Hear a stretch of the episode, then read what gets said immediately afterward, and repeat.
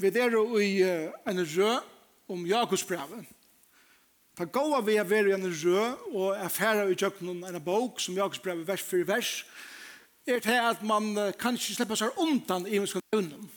Og man er nødt til at sutja deg som det er og man er nødt til å takla deg. Til at annars er det jo nevnt bare å si hva skal det leide seg evnen som annars fettler man også lagt og, og man er omgått til noen ekstrekt eller å så leis. Og Jakobs brev og til stretcher meg. Ser at han kommer til å snakke om penger og rydgjødømme og så videre.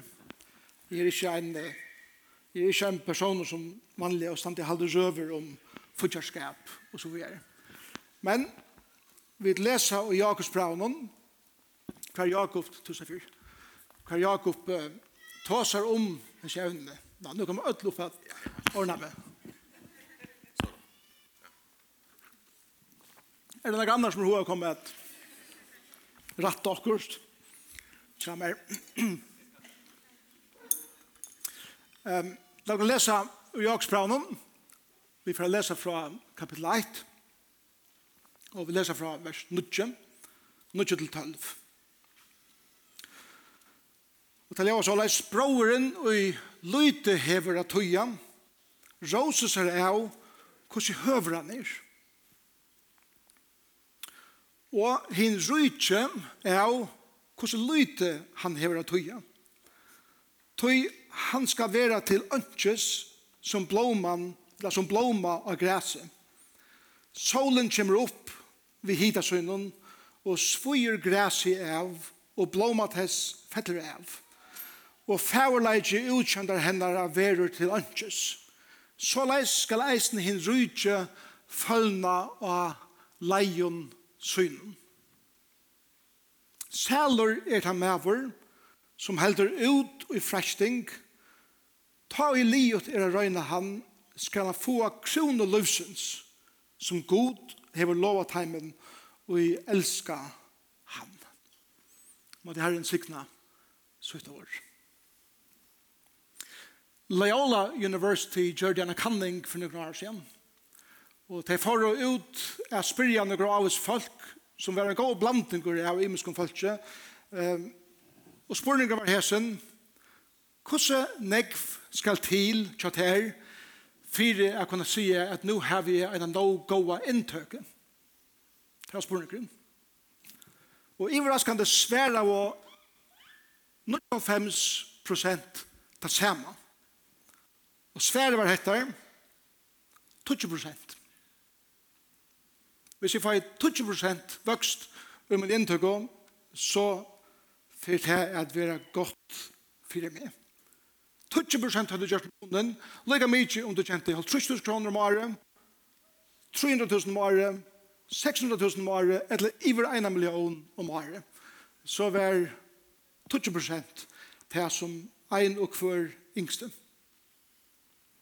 Så må folkene var spurt, samme spørningen noen år settende, ta og ta og komme her til at lønne hver hakka til 20 prosentene, og det finnes svære spørningen, samme spørningen, og det svære atter, at 20 prosent hadde gjort månen, og i mine løn. Og vi vet at hvis kannelsen har blivet vi, så har jeg ikke ut i infinitum, til at hatta ligger og jakon, som respons på hans kanningene, så sverer jeg en ønsker psykologer, arbeidspsykologer, som heter Kristoffer Katsor, og på hans kanningene så leis, for han sier, «Havesjuka er et er ein avhaldande og avsløttjande svongt som ligger ui okken ødlund Og det eneste som kan sløtje hese svangtene, eller gyndene, som han kallar det, er deien sjølver.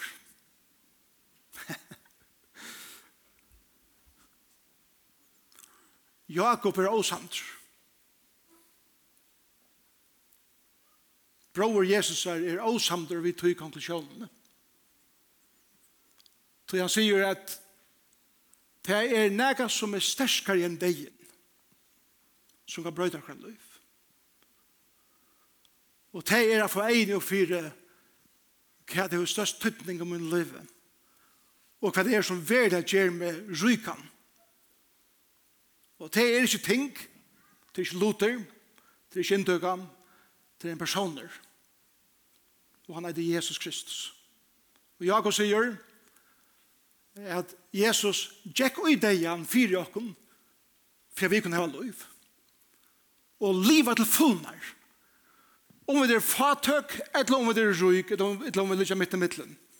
Så sier Jakob at faktisk har vi finnet noe som gjør at han hukkvoren pluss ikke være akkurat. Han, han, han gjør det vi Jakob lykkes nok som Jesus som vi kommer kjenne Jakob bedre og bedre og det er sikkert noe vi tar oppvokser å gjøre at her du er veldig vel å bruke år, og Jesus brukte øyne veldig ofte det som vi kallar for paradox. Og til at du sier noe så ekvislig at det virker som en motsøken. Jesus gjør det alle tøyene. Hins venner skal være metter. Hins store skal være lytel, lytel skal være store. Han som ryker fatakker fatakker ryker, og så videre. Jakob gjør det samme. Han gjør disse versene her bænt. Hins som lytel gjør det tøyene, Rosen sier hvor stor han er. Det som han sier er, han fatter ikke så mye som en ekv. Rosen sier hvor så ryker han er. Og en ryke, Rosen sier jeg, eller for en og fire, hvordan lyder han er. Hvordan fatt han er, da alt kommer til alt. Så paradoksen er, han fatter ikke, er ryker. Og han ryker, er fatt fatter. Hva betyr det? Hva Jeg vet, det betyr dette, og dette er alt det er høysbåsken til Jakob. Det er ikke sett at tøyn identitet i hva du eier, eller ikke eier. Ikke lett at det definerer hva du har råd til, eller hva du ikke har råd til. Ikke lett at mennesker kjenner det for hvordan flott du kan spikva, eller Etla hvordan flott du ikke kan spikva. Jakob sier, set tøyn identitet i, let det definere av, let andre mennesker suttja til fire, hver du erst, og ikke hver du eier, eller hver du ikke eier. Jeg hadde hatt det er høvesbåskaperen som er i det. Tøy at det er himmel vi måneder av, hver du eier, eller hver du ikke eier, og hver to sørst til sjølvan er vera som et menneske. Og hatt er teksten ved det. Og han börjar vidt til fatak. Og han sier broren som, som lyte hever at tuja, råser seg av hvordan høver han er, sier vers 19.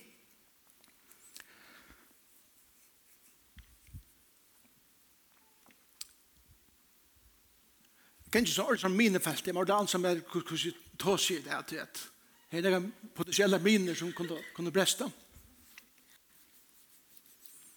Det er fatøkken. Forresten, for Jon i mån til resten av heimen, så er det ikke fatøkker. Men likevel, så, så har vi korsen det. Det er spennende for Jon, hva folk føler seg fatøk. Det er vi får kjent han rekker sammen, som er. avbjøringen til det fatak. Som vi leser Jakob og, og eisen i ærestand skriftene. Er hentan at fataktømmet teker ivor min hukbor om hvordan suttje livet. Bakgrunden og Jakobs Jakobsbraunen er at han skriver til de som er enda i utleggt Flere av dem hadde kanskje ringt til å finne arbeid, som av dem fikk ikke enda å røkke sammen, Og etter samme så finner de en lagre sosial status, som eisene gjør det til at de hadde ikke noen privilegium i livet. Og folk blir hittet nye av folk som er fatøk, og ikke virer det som jeg, og så videre. Og den vanveringen som man føler ånder hittet etter vi, blir eisene en vanvering av seg selv om og man setter seg sjåvan i en boas som ånder setter en sjåvan i, og tog kan ein som er fadakur være futter av sjålfordøming. En fader kan være futter av øvund.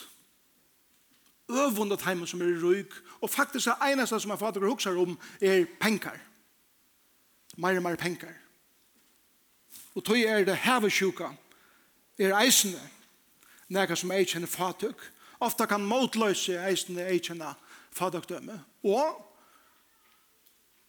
man huksar er god, han er ikke ser av ui at hjelpa mer.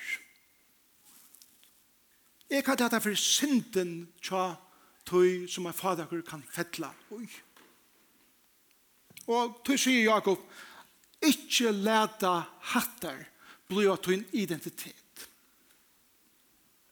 Ikke lett hatt det definerat. Men han vender til høtte og sier, tusen var fadakker, rosa der av hvordan stårer du erst. Rosa der av hvordan høver du erst. Rosa der av hvordan ryker du erst. Hadde året at, at rosa, det er et eller størst år. Han sier ikke bare, Nu måste hugsa om att vart ryker. Han säger rosa där ut. Det menar så att är är rosa mer ut har jag kan visa kolmen fram. Är rosa mer ut har jag kan visa kan kan mina button gera och för det är så. Jag kan rosa mer ut så nekvon som är stolt av lönen. Det är ett ord som är så mycket störst är att person du är stolt av lät det skina fram. Det är året som jag brukar i Så lät det skina fram tusen var fatakurs hvordan høver det verst.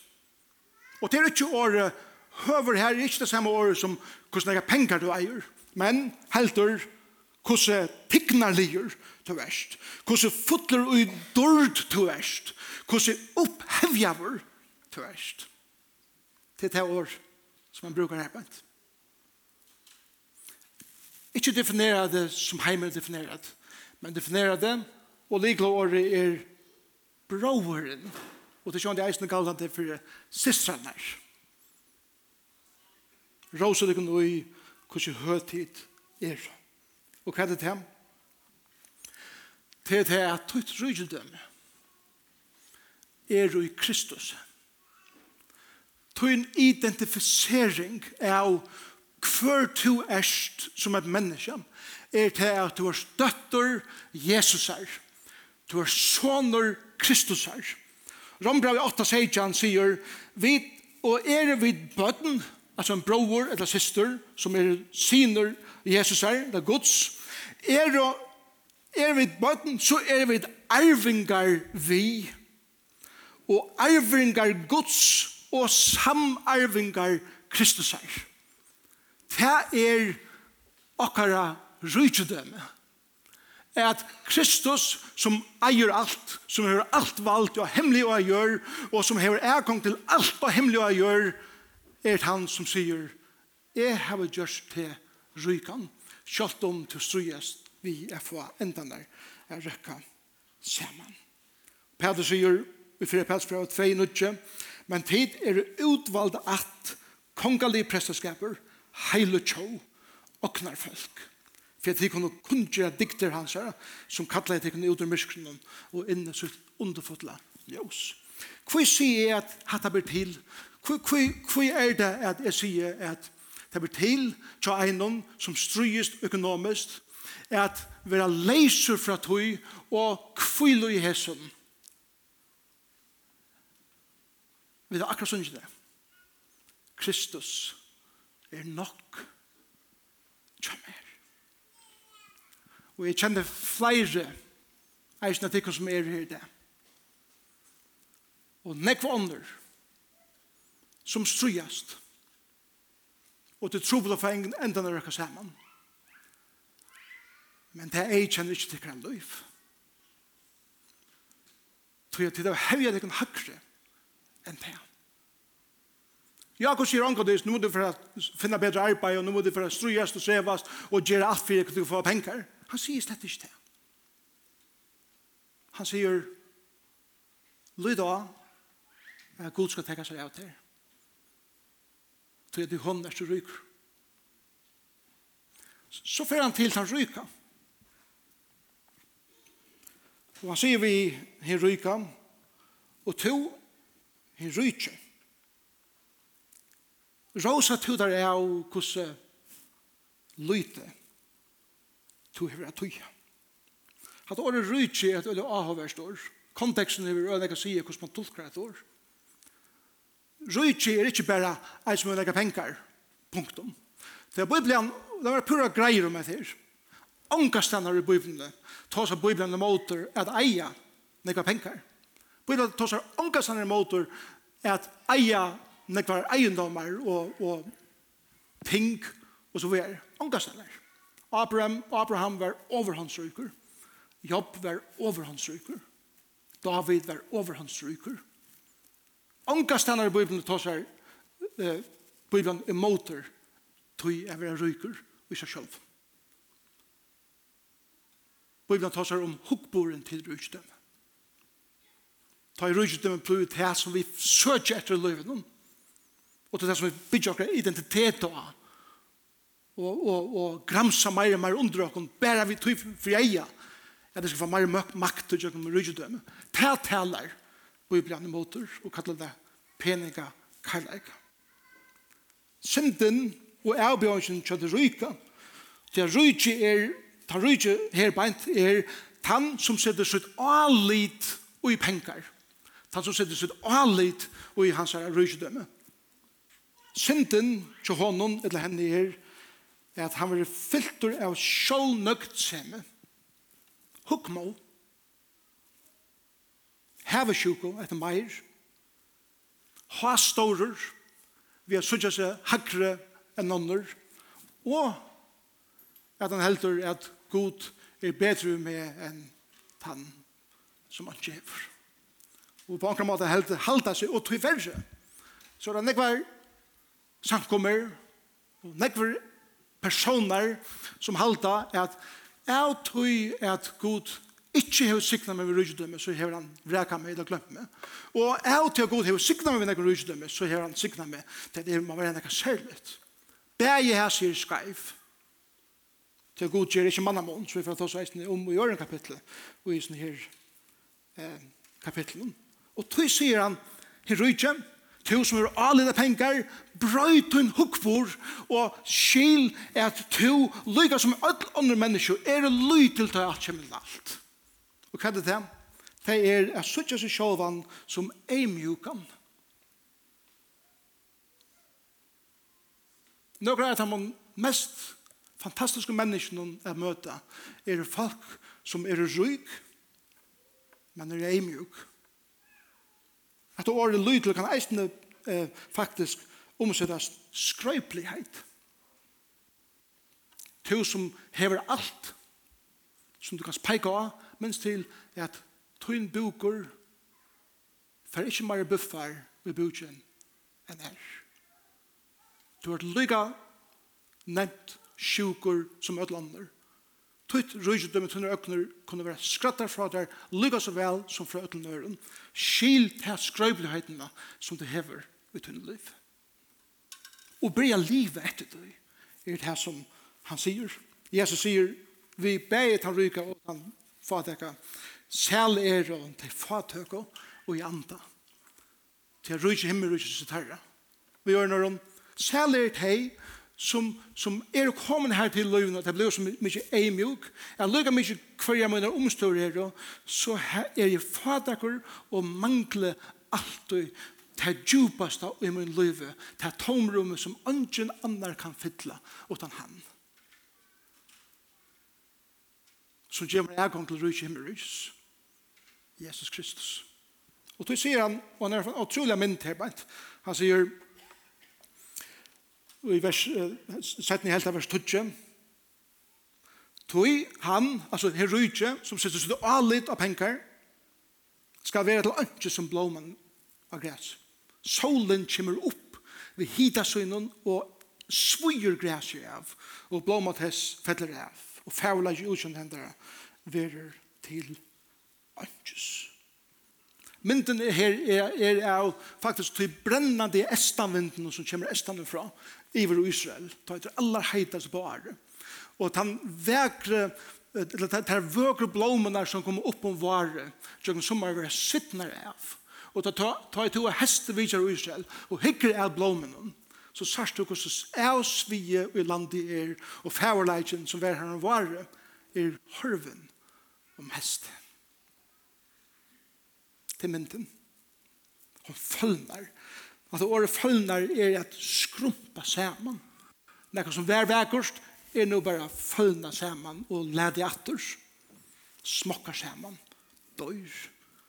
Rustar børst. Og han sier, såleis skal, såleis skal det være, i vers eh, 11, såleis skal eisen her rydtje følna av leion synen. Det er ta så veldig velur jeg genga leiene et sett mot alit og mot rydgjødømme dæveren skal komme ta et og fønner. Jeg har fortalt dere om George før. Jeg fortalt dere for å seg om George og nå jeg kjenner George ordentlig vel da vi bo i, i Skottland. George Jack ut i samkommende som vi uh, Jinko i, i, i Glasgow. Han var i oljevinnene og han var et helt høve i eh, til Bresko oljevinnen. Kjente størstande av pengen. Var en fantastisk maver på en måte. Kona sier han, hei et hjerte, fyrir misjon og nekken øren tenken, og i herrens verst. Han kunde godt pensjoneras tullje av til at han er råd til det og han ble via sida ved konen sinna bare lykke etter å ha sett. Så, så har vi enda meir og ta år, ta år av færre, så sier han, men bare nå er det så spennende, men lykke til jeg etter det, sier Og så kommer tøyen, kan jeg sier, hva og i juni måned, så trekk jeg ned. Og i april måned, vi kona så at det vi se det i galopperende kreft, og i juni måned var hun kravløkt. Og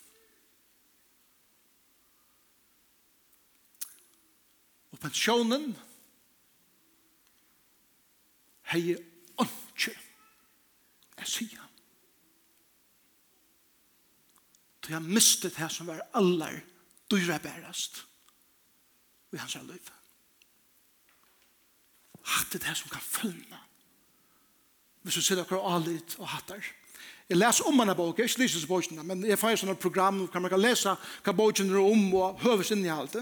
Og henne boken heter Rust, The Longest War, Adrian, altså Ruster. Og Jonathan Waldman skriver i en kapittel om hensens langsta trobeleika, og til oksidering, til prosessen ta og ting byrja at rusta. Og han sier så leis, og han forteller i kapitlet om at amerikanere Mundo eina for mist the Statue of Liberty i New York, som sender her i faklen. At hun var så ytla ruste innan ui, at nekvar stengur som held og uh, stadion oppe byrja at knekka. Og tar måtte gjera et kolossalt arbeid for at endurreisa the Statue of Liberty, og kostnader av tog var, var så store at opphattnar kom omgande orda fram allment. Og han sier at kostnaveren er vi lykke halte i måte rustet at det kommer til gasspyper og til bygningar. Og så sier han, og rævlige utreisninger som herren hever, er at en kruksambånd, særlig er at halda skipene som rusta. Bæra opp, up to date, er ein utrolig utreisla tja amerikanskon skatta borgaren. Han sier, rustor er ikke bare irriterande. Rustor er iver hans dyrer og vandamøykjel. Rustor heldur bare å, å, å, å, å, du kan ikke stekka døy. Tøy at hans avhaldande bergjast måte døy. Og så tenker han at døy med at han sier den 1. august og i 2006 skrampla jeg en brygg saman i staten Minnesota som får iver om Mississippi og annan Han sier at hentet brikven er en brikv som cirka 140.000 bilar køyra over om kvante. Hetta var i rush hour. Og alt i luttla petten av brunne som skramblei saman og i tulløtene var 111 bilar som får singlande nyer i avgrunnen. 13 folk døy og 145 finner stora skia. Mittlen tarra var en skolabusser, futtere bøttenen, truje trusbøtten. Årsøkjen, kemiska processen som fyrir gongt ta ui jaden og oxygen møtast i vett som utviklar ein, eit reilet evne som byrjar at eta jatne opp og det eitur ruster.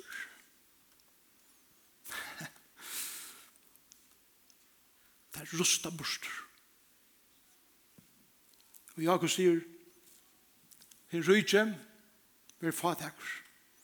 Ikke gjør stolt ut en rydjedømme, minst til at tøyt dem er eisende i Kristus.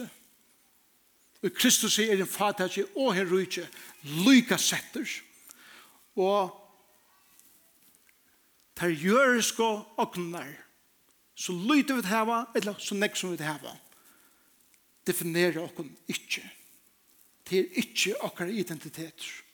Ofte har vi sagt om folk som kanskje, det gonger vel tja, at han har etna visser, som om at liv er fullkommet, og gleden er no funnen. Men onker sier at moner er av etna og glede, Ein kan hava etna utan at hava glede. Etna i tredje av at det er om til etna sitt lykke. Men det er ikke gleden, ikke. Etnan er utvorstes. Gleden er innvorstes. Etnan er tredje av omstøvnen, og tar omstøvnen brøytast, så kommer vi missa etna. Men gleden er ikke avhengig av omstøvnen. Og er er korsene om omstøvnen brøytast. Vi har liv. Og tog er at vi kommer til vers 12, sista verset som sier Sæler er tannmæver og kvinna som heldur ut i fresting. Ta en liot er røyna han, skal han få krona løsens som god hever lova teimen og i elska han. Det er hva man vil sija. Vi kunne med det røydømme så, så, så, så nekk som vi vilja, Men det ultimativa er det som Gud kan gjøre det.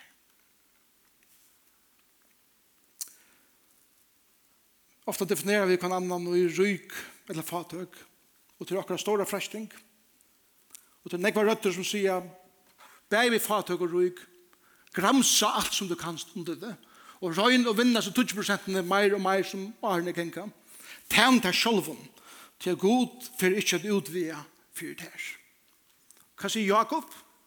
Jakob brukar samme år som Jesus men kan brukte. Sæler er ta med. Sæler er ta kvinna. Som ikke leder seg identifisere hæsen, men finner en nødjan identitet. Og som heldur ut i sin løyven om hver frestningene er at som jeg tar seg med Johanne, er blir hastårer, jeg blir øvensjukker, jeg blir gramsesjukker, Og alle de tingene som vi strøyes vi i løgnen, særlig at han som vi jøkken alt her klarer at halda sin identitet. Og yes, Det han skal få han eka, som ikke anna kan djeva, og det er krona løsens, som god hever lova teimen, og i elska han. Det er som seda Kristus som sitt haksta og sitt størsta i løvnen, og alt anna er som skatten i måte tøy. Til rykom, eller la meg sige, vit rykom. La meg tegge seg myndene. Hugsa dikken at tid kjeipa aksjer, eller investera i et størst selskap, la meg bare sige, Nike, bare for jeg bruker et av dem helt store. Og tid kjeipa aksjer i Nike. Knapplega så får jeg tid orda stående avhåa for Nike, kjei det? Nå er det mer enn bare skrekkvar som renner og så videre. er. Nå er det, nå er det knapplig at, at jeg, jeg hittir tjekken bløyene, og nå sitter jeg en iverskrift om Nike, og jeg får lese første år som jeg skriver om Nike. Hvor? Tror jeg at nå er mitt hjärsta utøy. Tror jeg at jeg investerer i utøy. Og du leser første år, selv om for noen faen måneder siden, hei du bare blir forbytet som om at du aldri ser til over. Passer det? Ja. gott. Ja, men det er helt naturligt. Det er pura naturligt at det er så såleis. Det er ikke gale vi tog. Jakob, han sier vi jokken, han gjør jokken avbjøring. Hugsat her at to eisene veler at investere og i AIDS-rakt bøten i Afrika. Etla i sjukrehus i Indien. Etla i skolar av Philipsøkenen for heimlens bød. Etla ui troboer som ståna eina sankumme ui til myska sørboinen ui Europa.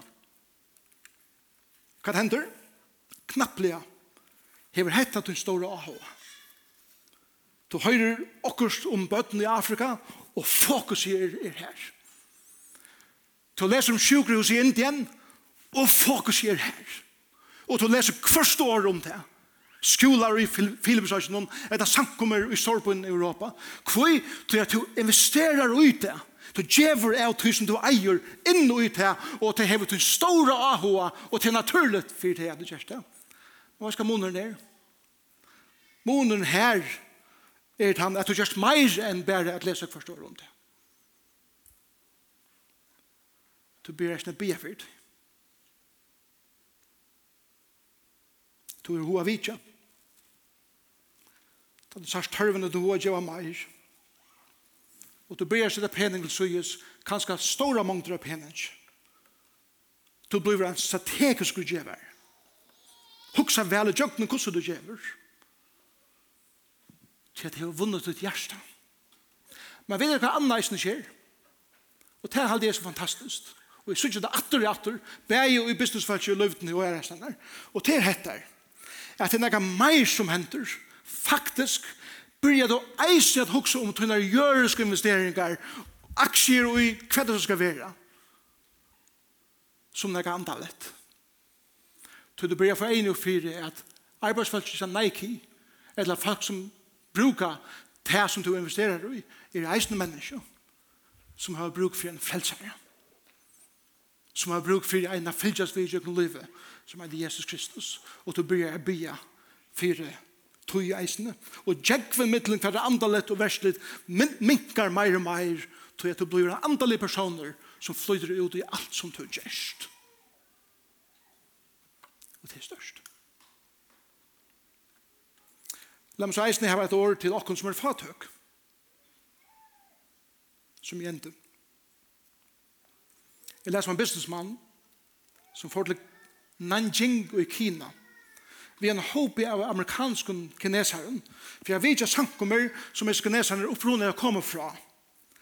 Og han sier så, en sundag vet jeg vet flere sankummer, og en kvalte får vi ut om byen av vidtjene sankummer, som Miss Chang, den amerikanska kvinnan som er kinesere, den sankummer som hon kom fra, henne er heima sankummer. Sankummer var sere fatøk. Det var mest bønder, fatakje bønder som arbeidde i rysmarsene. omlai 900 folk var å møte.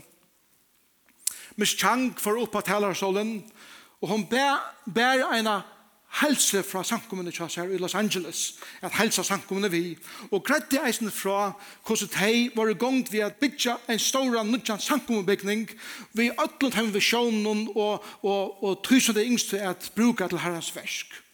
Så signa en samkommende, vi Norge, og han sette seg nye. Ta møtet var liot, eller om var liot, så bjør av eh, tar som lette møte med Chang, han kom opp etter av scenen.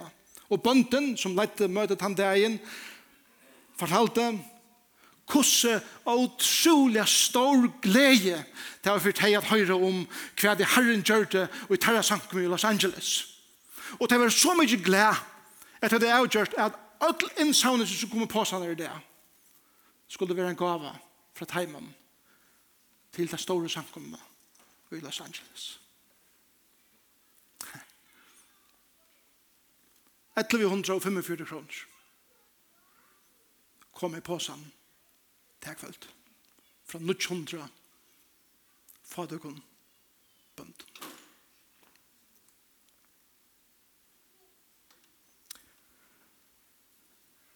ta og hjärsta flyter ut av glede og nøgtsømme.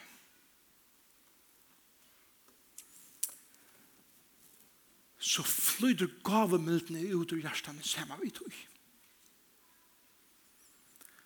Og en som er fatakker, for ikke å huske om at det man samla og verge hette for at, at de ryker skulle betale, men det kjever til at ut om min hjerte er slik glede om hva Herren gjør er hans annar, er det djeve av min fattakdøm. Måtte han sank om han strøyast hadde kvitsjelea? Ja.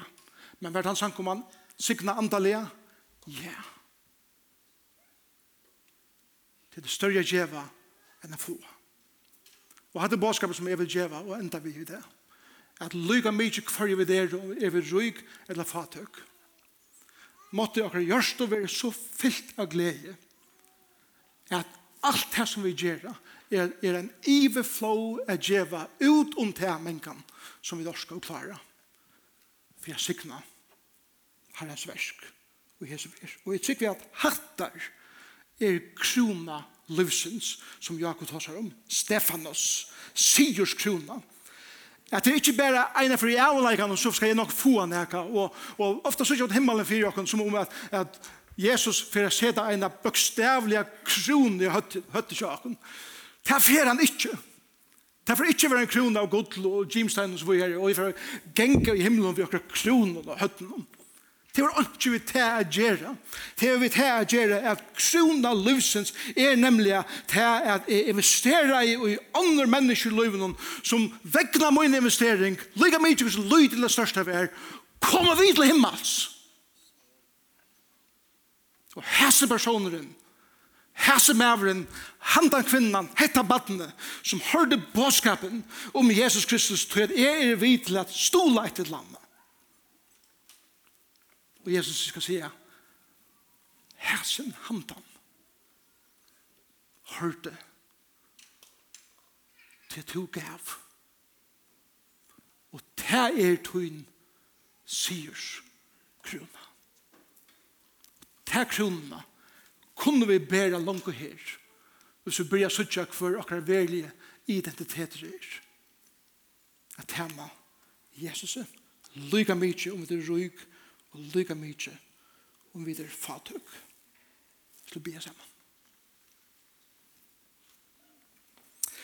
Jesus, takk for at til alt du er en sunn og god balansa i tunnen vår. Og jeg ber om at du vil vise oss Jeg kurser okkar sosiale standarder her og ikke vi akkurat andre livet gjør. Men lykke mye hver vi er, så er vi kattleie til antla djev okra, av okra rygedømme, eller av okra fadøkdømme. Men måtte være så leis. Jeg vet at for en og fire, at vi kunne råse okra av, at vi er tynne bøten, tynne arvinger. Og at vi kunne sudja hvordan skreibler vi der, og vi okna sjolven.